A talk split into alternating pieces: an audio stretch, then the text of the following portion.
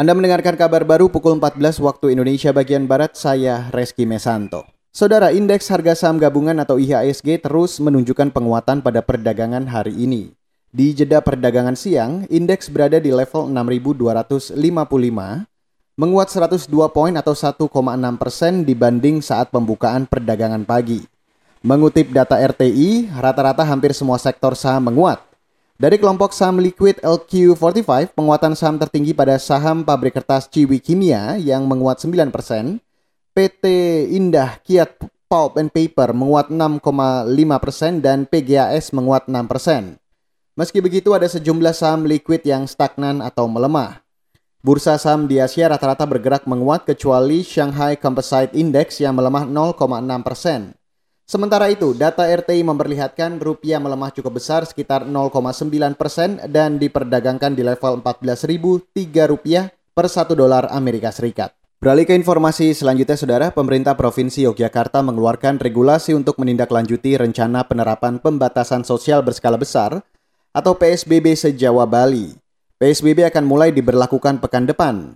Sekretaris Daerah Provinsi Yogyakarta, Kadar Manta Baskara Aji mengatakan, Regulasi itu berupa instruksi gubernur yang berisi kebijakan pengetatan terbatas kebiasaan masyarakat. Kadarmanta mengatakan pembatasan kegiatan sosial akan menggunakan kearifan lokal yaitu tiap wilayah memasang portal jalan untuk memantau mobilitas warga.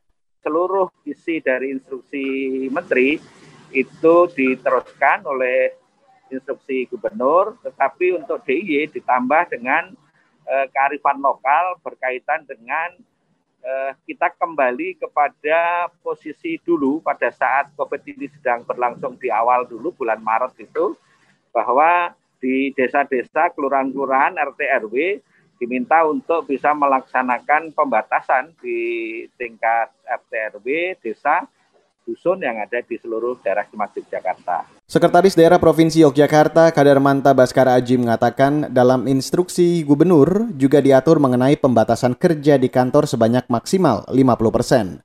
Selain itu, berbagai kegiatan sektor penting seperti layanan kebutuhan pokok tetap berjalan penuh namun dengan penerapan ketat protokol kesehatan. Namun pemerintah DIY tidak membatasi mobilitas warga dari luar daerah. Kita ke Amerika Serikat, saudara, kerusuhan dan penyerbuan di gedung Capitol, kantor Kongres Amerika Serikat, memunculkan desakan agar Presiden Donald Trump dicopot atau dimakzulkan dari jabatannya. Mengutip Reuters, sejumlah tokoh Partai Demokrat mendesak agar Kongres menggunakan amandemen ke-25 untuk melengsarkan Donald dari Gedung Putih. Desakan antara lain datang dari Ketua DPR Amerika Nancy Pelosi Pemimpin Senat dari Partai Demokrat tidak hanya itu, sejumlah politisi Partai Republik yang merupakan pendukung Trump juga mendesak agar Trump segera meninggalkan Gedung Putih. Desakan itu muncul karena tindakan masa pendukung Trump menyerbu menguasai gedung Kongres mencederai demokrasi Amerika. Sebelumnya, sejumlah pejabat pendukung Trump sudah mengundurkan diri pasca penyerbuan dan pendudukan gedung Kongres oleh masa pendukung Trump. Demikian kabar baru KBR, saya Reski Mesanto.